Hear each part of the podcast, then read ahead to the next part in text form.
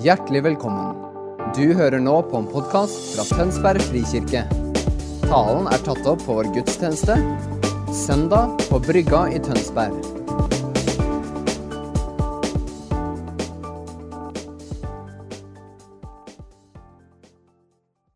Dere, vi, skal, vi skal fortsette på denne temarekka som hele denne våren handler om Jesus. Vi tror på Jesus Kristus. Og vi lener oss breit inn, for vi skal ha tak i helheten, fylden, bredden, høyden, lengden, dybden. Av hvem Jesus er. Hva han gjør, hva han har gjort, og hvilke konsekvenser det er for oss. Det er nesten som en sånn eh, som en sånn ordentlig sånn vårrengjøring av hele vår tro denne våren. tror jeg.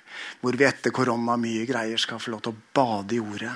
Og enda en gang få lov til å ta til oss hvem han er, og hvem vi er pga. det. Og I dag er det Jesus, vi tror på Jesus Kristus som er veien.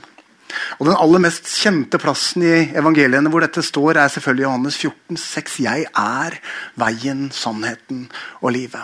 Begynnelsen der i vers 1 i kapittel 14 starter med La ikke hjertet bli grepet av angst og motløshet. Tro på Gud og tro på meg. I min fars hus er det mange rom. Hadde det ikke vært det, så hadde det ikke vært slik, så hadde jeg sagt det dere. Jeg går bort for å gjøre i stand et sted for dere. Og når jeg kommer tilbake, skal jeg ta dere til meg. Og dere skal være der jeg er.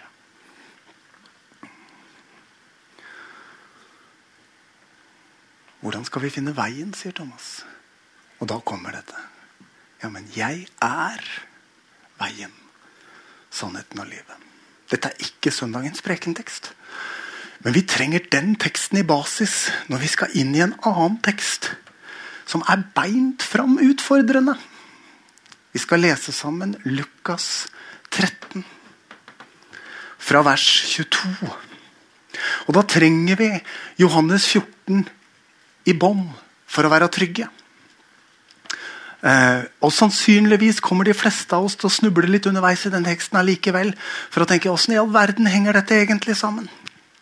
Men det går bra. Vi skal sortere i det sammen.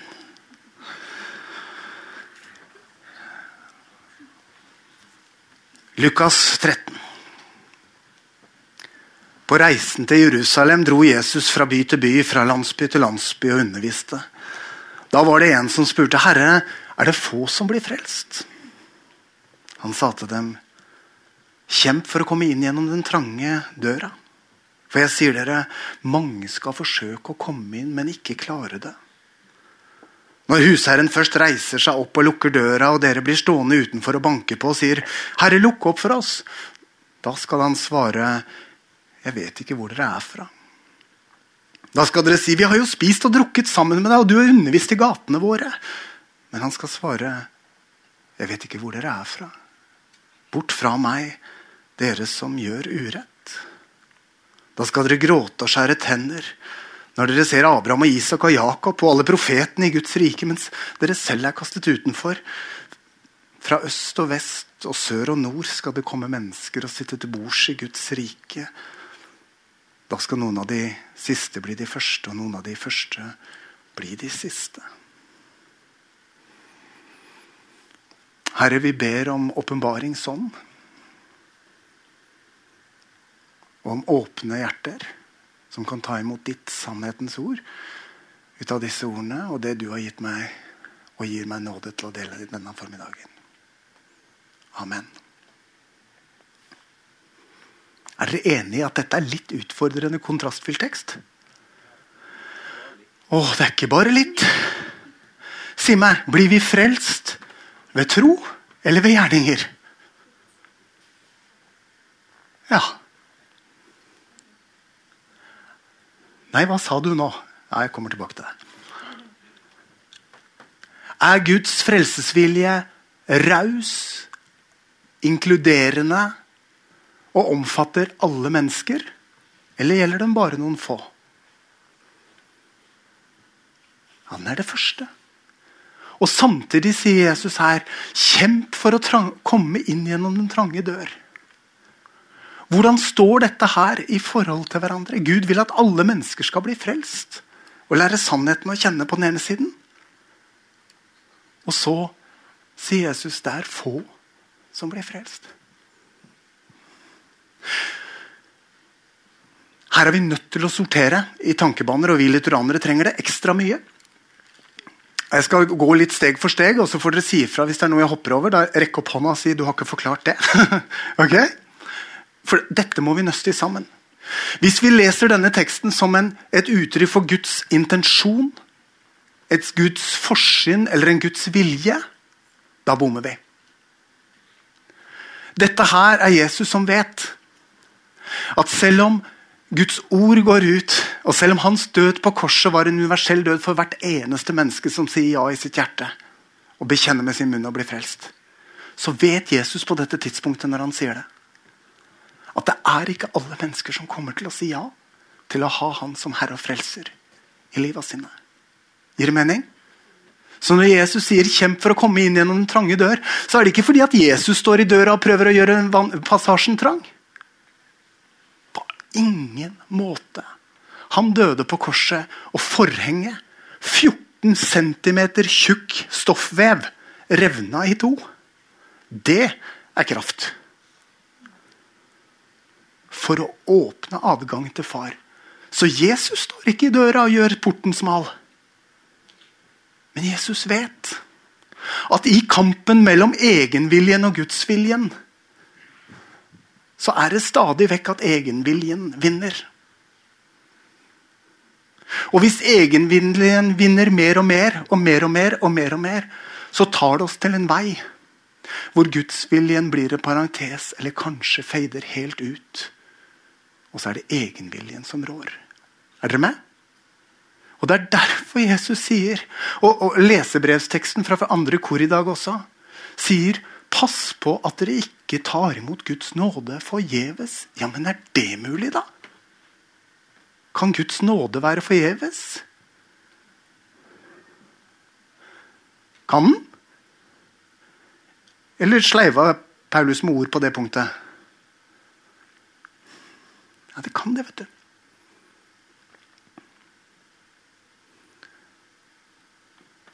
For hvis jeg går den veien, og Jesus er der og for hvert punkt hvor jeg går feil, så sier jeg 'tilgi meg, Jesus'.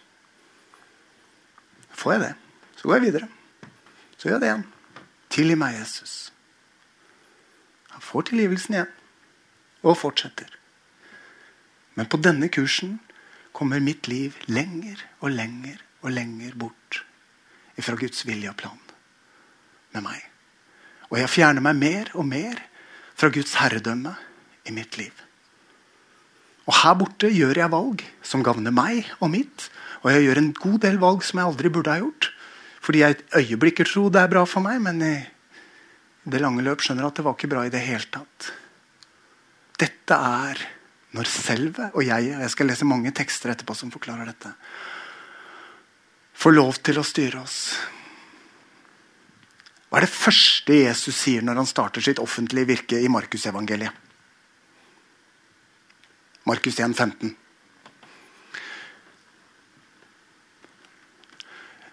Guds rike er kommet nær. Og så sier han Vend om og tro på evangeliet. Vend om andre veien. Vi lutheranere vi er så gode på å si med Justus et peccator, samtidig uh, synder og rettferdig at vi har lest den læresetninga der som at det er helt greit å synde og tro samtidig. Det går fint. Ja, Det sa jo Luther. At det går fint. Ja, Han sa det med et anfekta hjerte. Som gråt over sin egen synd hver gang han oppdaga og lurte på om det i det hele tatt var plass for den i himmelen. Da er det godt å vite at det er håp for oss, selv om vi av og til oppdager synd i livet. Men den moderne kristne tanken har blitt at den setningen gjør at det er greit å la det stå til, fordi nåden dekker over. Kjenner dere en tankegodset? Vi må ikke tenke det. Vi blir lurt. Vi blir så lurt. Hver gang du og jeg velger feil, velger det som ikke er godt, hva sier ordet at vi blir da? Vi blir slaver under synden. Står det flere? Plasser. Og hvis jeg er en slave under synden, hvem er syndens far? Oi, hvem tilber jeg da med mitt valg når jeg synder? Skjønner dere? Og hvis dere tror dette er åndelig snakk Nei, nei, nei. Hver gang jeg sier ja, og jeg har gjort det for mange ganger, jeg er i båten sammen med dere, så kommer han som er syndens far. Og han har alltid én mission. Han er lite fantasifull. Stjele, drepe, ødelegge. Og han gjør det hver gang. Han er ikke så opptatt av å ta livet av Morten en gang for alle. sånn quick fix. Bare han kan få ta litt av gangen. Går fint, det. Han vet at resultatet av det er evig død, og det er helt fint for han. Og underveis så får han gjort livet mitt ganske kjipt også. Så jo dårligere Morten kan ha det, jo mer jeg kan bli lurt å tro at å snike til seg en liten unnlatelsessynd vil gjøre noe for livet mitt. Yes! Seier for kjelleren. Vi har ikke en kamp mot kjøtt og blod, men mot makter og myndigheter og ondskapens ånde her i himmelrommet. Stå derfor fast. Ta Guds fulle rustning på dere. Dere, synd og nåde handler ikke om et regnestykke. Én synd pluss én tilgivelse er lik null. Oh, ok, da er jeg Gud. To synder pluss én tilgivelse. Ah, det mangler en. Jeg må be litt mer. Nei, nei, nei, nei, nei, nei. Det handler ikke om det. All synd og skyld er en gang for alle sletta ut på korset.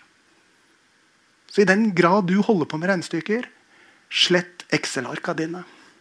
Slett regnestykkene dine. Det handler ikke om det. Frelsen handler dessuten ikke om himmelbilletten der framme.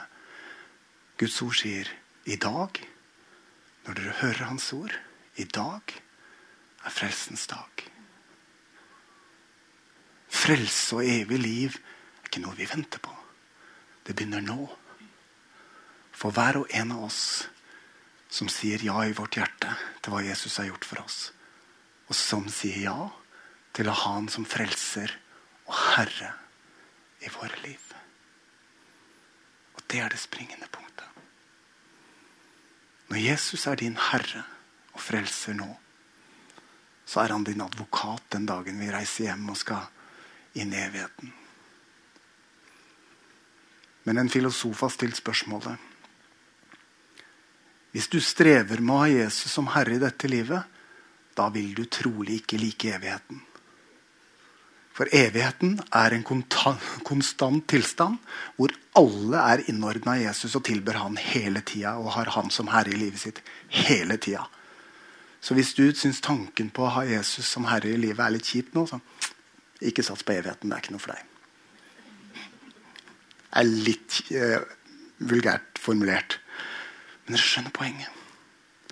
Hver gang vi velger feil, hver gang vi går feil,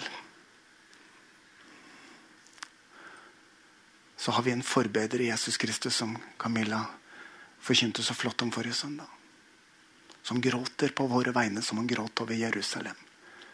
Og som går i forbønn og som sender ut sine engler for å hjelpe oss på riktig kurs.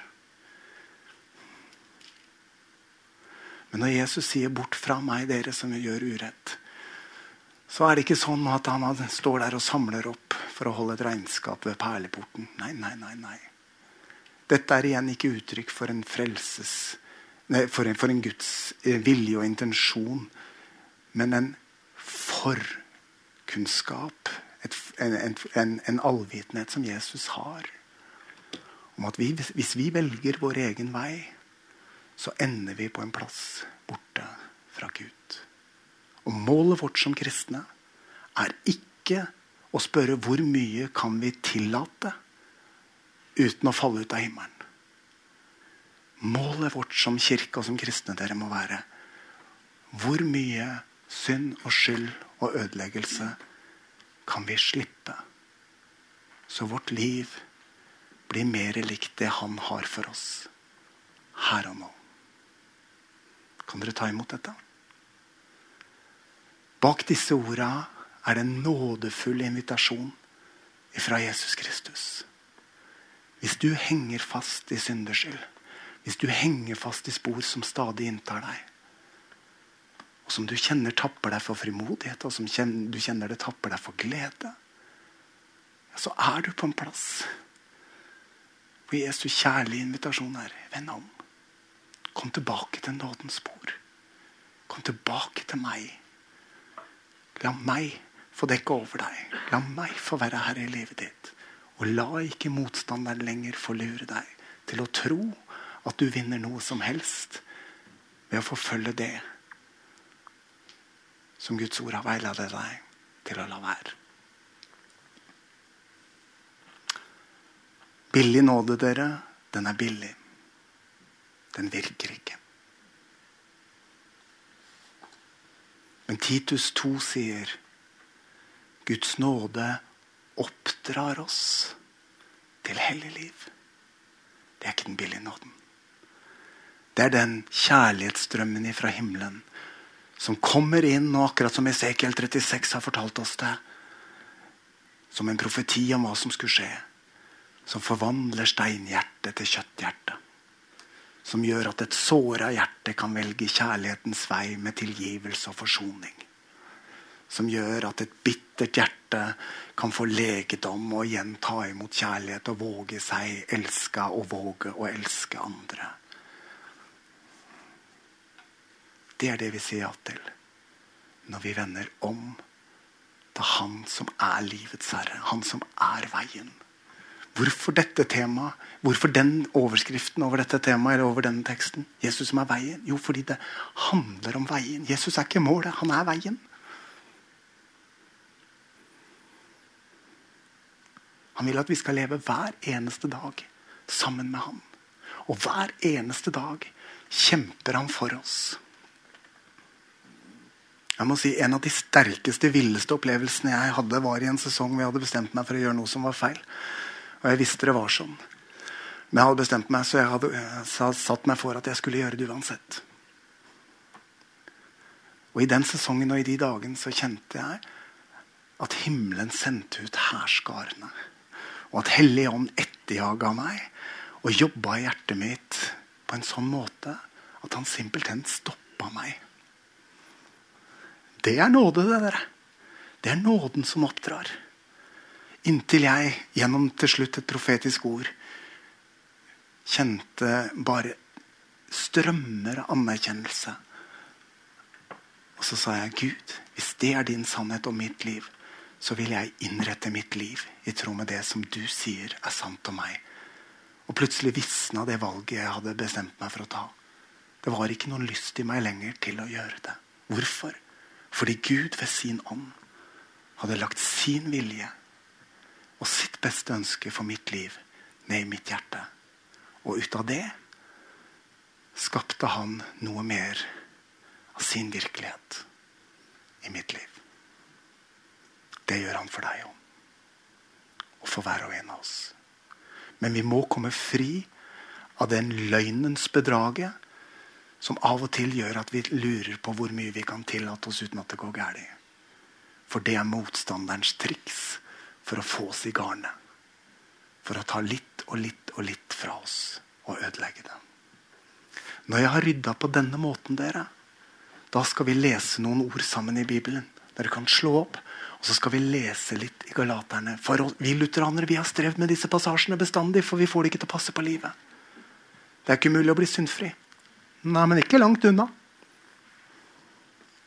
Hvis du slutter å flørte med synda og ditt eget begjær, og velger å lene deg på Jesus når det, når det røsker tak, så er det mulig å gå klar av mye mer enn det vi gjør akkurat nå.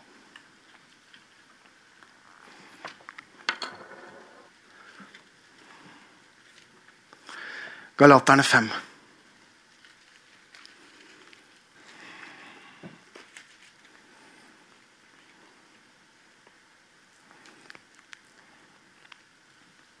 Vi tar med oss Salme 34 først. Jeg skal lese noen vers. Dere trenger ikke slå opp der.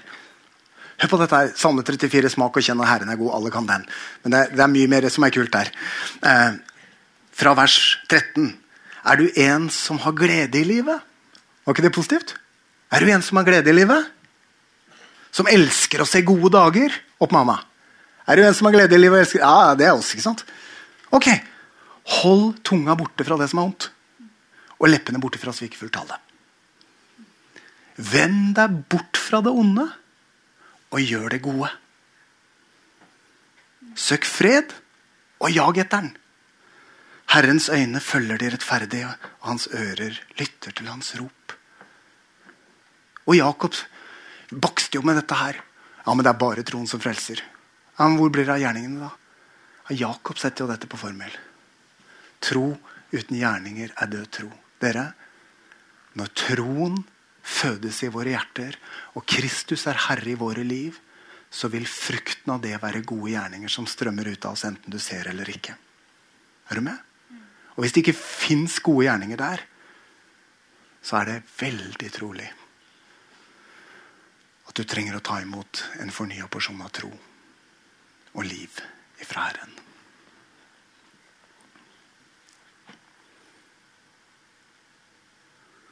Jakob sier.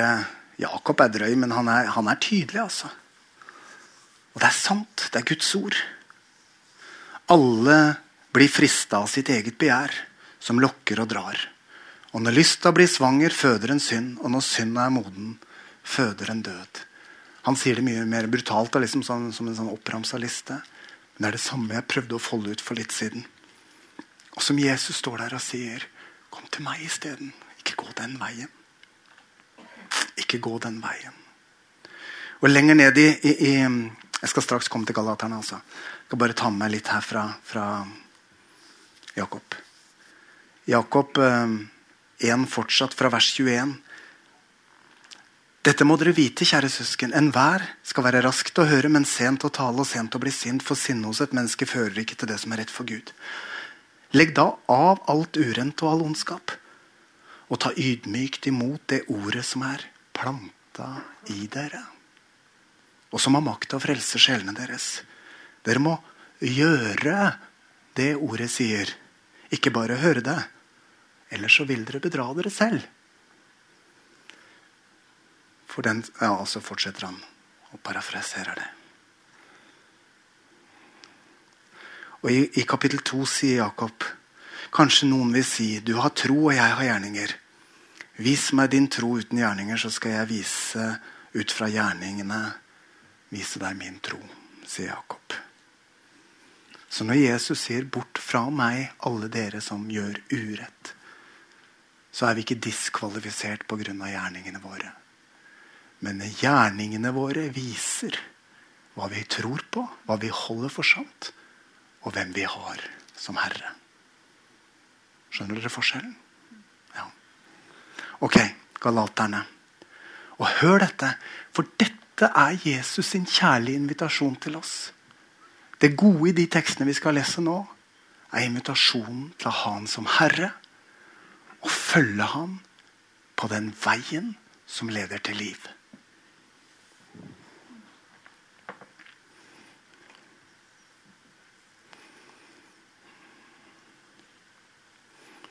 Skal vi se. Der er vi. Jeg sier dere um, Galaterne 5, fra vers 16. Jeg sier dere, lev et liv i ånden. Da følger dere ikke begjær i menneskets kjøtt og blod. For kjøttets begjær står ånden imot, og ånden står imot kjøttet. Disse to ligger i strid med hverandre, så dere ikke kan gjøre det dere vil. Men blir dere drevet av ånden, er dere ikke under loven. Det er klart hva slags gjerninger som kommer fra kjøttet. Hor, umoral, utskeielser, avgudsdyrkelse, trolldom, fiendskap, strid, sjalusi, sinne, selvhevdelse, stridigheter, splittelse, misunnelse, fyll, festing og mer av samme slag. Jeg har sagt det før, og jeg sier det igjen. De som driver med slikt, skal ikke arve Guds rike. Ops. Var det en dom? Nei, deskriptivt. Hvis dette er det som preger livet, så fører det til død. Heng med, så skal vi se. Men åndens frukt er kjærlighet, glede, fred, overbærenhet, vennlighet, godhet, trofasthet, ydmykhet, selvbeherskelse. Slike ting rammes ikke av loven. Og de som hører Kristus til, har korsfesta kjøttet med dets lidenskaper og begjær. Her skrives det som om det er en selvfølge. De som har, hører Kristus til, har korsfesta kjøttet med dets lidenskaper. Ja, men dere, dette er vår Jesus-etterfølgelse. Når vi kjenner det tar i vår kropp, i våre tanker, i våre lengsler og i vår lyst. Så istedenfor å forføye det og løpe etter det, så går vi til Jesus med det og får kraft til å velge det som er sant og rett og godt isteden. Det er vår vei i etterfølgelse. Det er veien vår. Klarer jeg å stå opp mot synda i meg sjøl og inn med egen kraft? Nei, aldeles ikke. Jeg faller som bare juling. Men når jeg får nåde til, når jeg kjenner at jeg er på det punktet igjen Gå tett inntil Jesus. kommer opp den der sangen. He ain't heavy, he's my brother. Så får du hoppe opp på armen til Jesus. Og all den åndelige virkeligheten som prøver å ta tak i meg og friste meg til å dra meg til en annen plass, preller han. Det har jeg sagt til dere før. Det bare, kan bare hviske 'Jesus'. Som om motstanderens utsendinger bare farer. Det er ikke alltid åndskamp i dette her. Noen ganger er det bare mitt eget kjøtt. Da. Det er jeg som vil ha. Skal ikke skylde på englene og demonene hele tida heller. De er absolutt der. Og de demonene kan gjøre ugagn, de så det suser. Det er ikke bare demonene. Det er meg òg. Det er ikke så ofte vi ber synsbekjennelsen her i kirka, men vi har tenkt å begynne med det igjen. Ikke hver søndag, men av og til. I den som jeg kan utenat fordi vi leste den i kirka hver søndag. så får jeg Se nåde til meg, syndige menneske som har krenket deg med tanker, ord og gjerninger, og kjenner lysten til det onde mitt hjerte. For Jesu Kristi skyld har langmodighet med meg, tilgi meg alle mine synder, og gi meg å frykte og elske deg alene. Vi hadde det eh, i åpningen av hver gudstjeneste. Det er veldig vanskelig å få en løftstart på gudstjenesten når vi starter der. Ikke sant? Det er dårlig pedagogikk, men det er god teologi. Dere, det er når vi bøyer oss for Gud og sier, 'Jesus, se i nåde til meg. La meg ikke ta imot din nåde forgjeves.' Du er min frelser og Herre. I deg har jeg livet. Du er den som gir meg frihet. Dere, Frihet er et ord som løftes som en parole i mange sammenhenger. Men friheten vår har vi i Jesus Kristus. Alt vi velger som ikke er av det gode, binder oss og gjør oss til slaver av det. Det er bedrag. Men Kristus inviterer oss, han som er veien, til frihet. Skal vi lese litt mer? Ja, vi gjør det. Jeg gir dere ikke et valg på det. Vi leser litt til. Lever vi ved Ånden, så la oss også vandre i Ånden. La oss ikke være drevet av tom ærgjerrighet, så vi utfordrer og misunner hverandre. Mine søsken, hvis dere blir grepet i et feiltrinn, så må dere som har ånden, hjelpe han til rette. Men gjør det med et ydmykt sinn og pass på deg selv, så du ikke også blir frista. Bær byrdene for hverandre. Hør så vakkert for en formaning vi får som fellesskap. Ikke pekefinger og kirketukt. Men gode bror, det der er verken godt for deg eller for himmelen. Kom inntil. Bli med meg til korset. La meg kjempe for deg. Du trenger ikke dette. Heie på deg. Du er bra, men det var dumt. Er du med?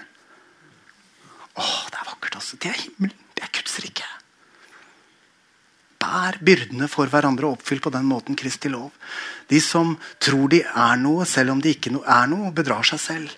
Hver og en skal bedømme det han sjøl har gjort, og få ros for sin egen innsats, ikke for det andre har gjort. For enhver skal bære sin egen bør. Den som får opplæring i ordet, skal dele alt godt med sin lærer. Og så kommer det. Far ikke vil. Gud lar seg ikke spotte. Det et menneske sår, skal det også høste. Den som sår i sitt eget kjøtt, høster fordervelse av kjøttet. Men den som sår i ånden, høster evig liv av ånden. La oss stoppe et øyeblikk der. Jeg har sagt det dere mange ganger. Gud er ikke redd for synda vår, for han har ordna opp med den en gang for alle i forsoningen på korset.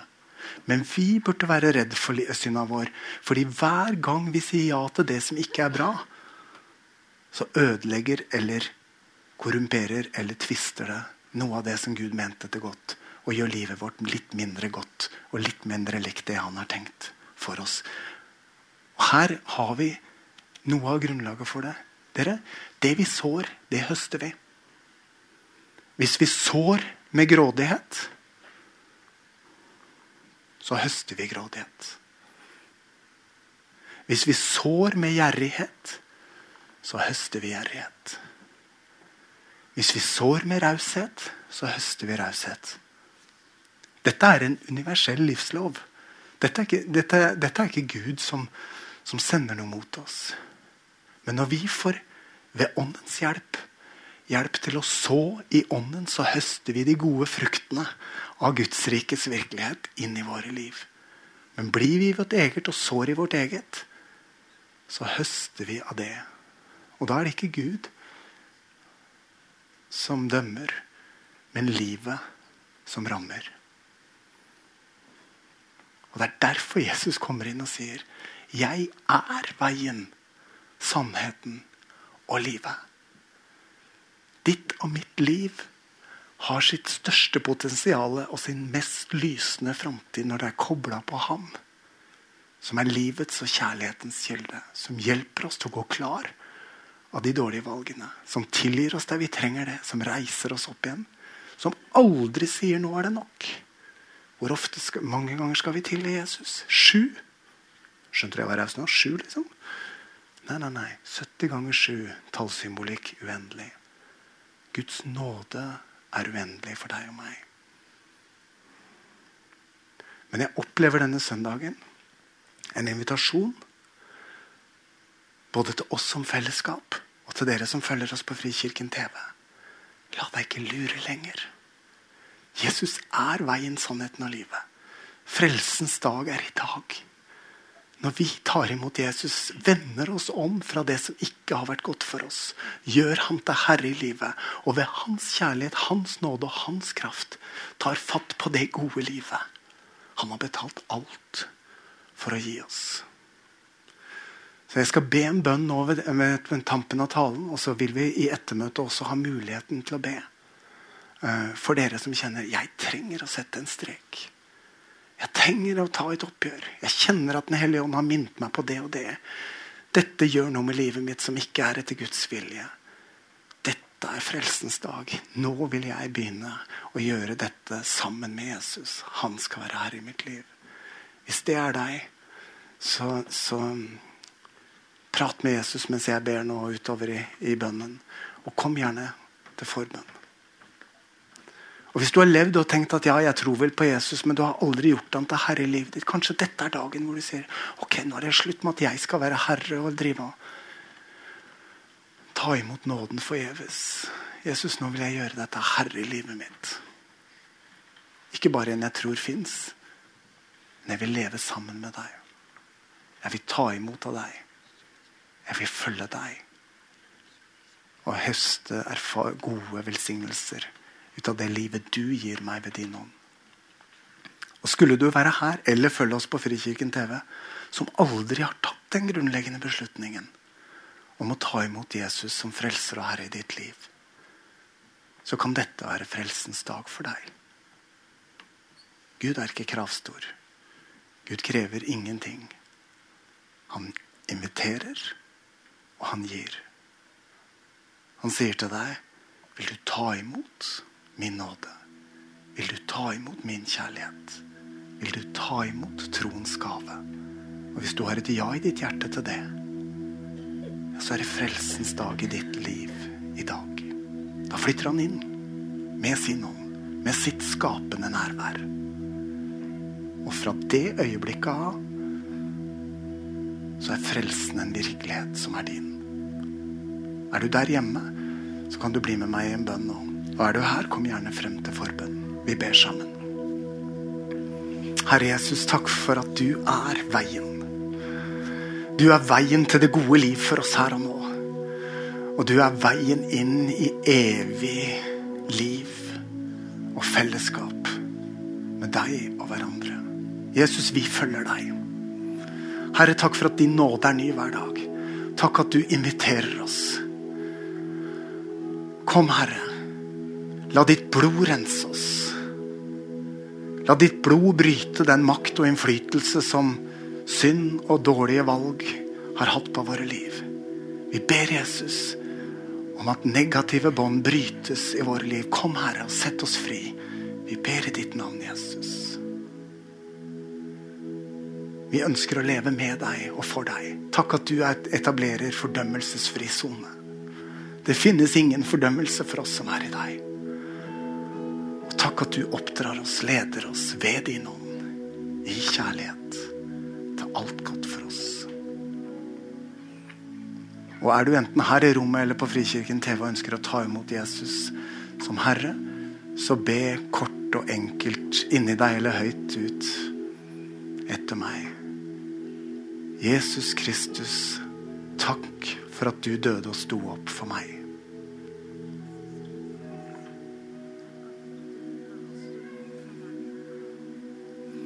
Jeg vil ta imot troens gave og leve for deg.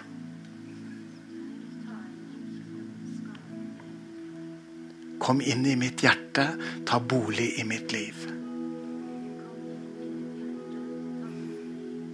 Tilgi meg alle mine synder. Og gi meg å leve for deg og for alle andre du sender meg til.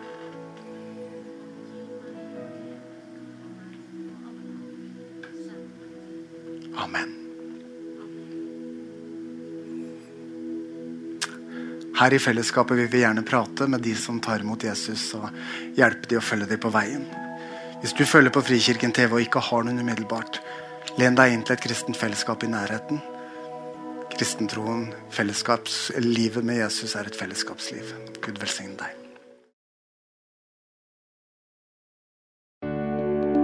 Takk for at du hørte på vår podkast. Har du spørsmål eller ønsker du å vite mer? Søk oss på vår nettside tonsbergfrikirke.no. Du er også velkommen til kirke på Brygga i Tønsberg.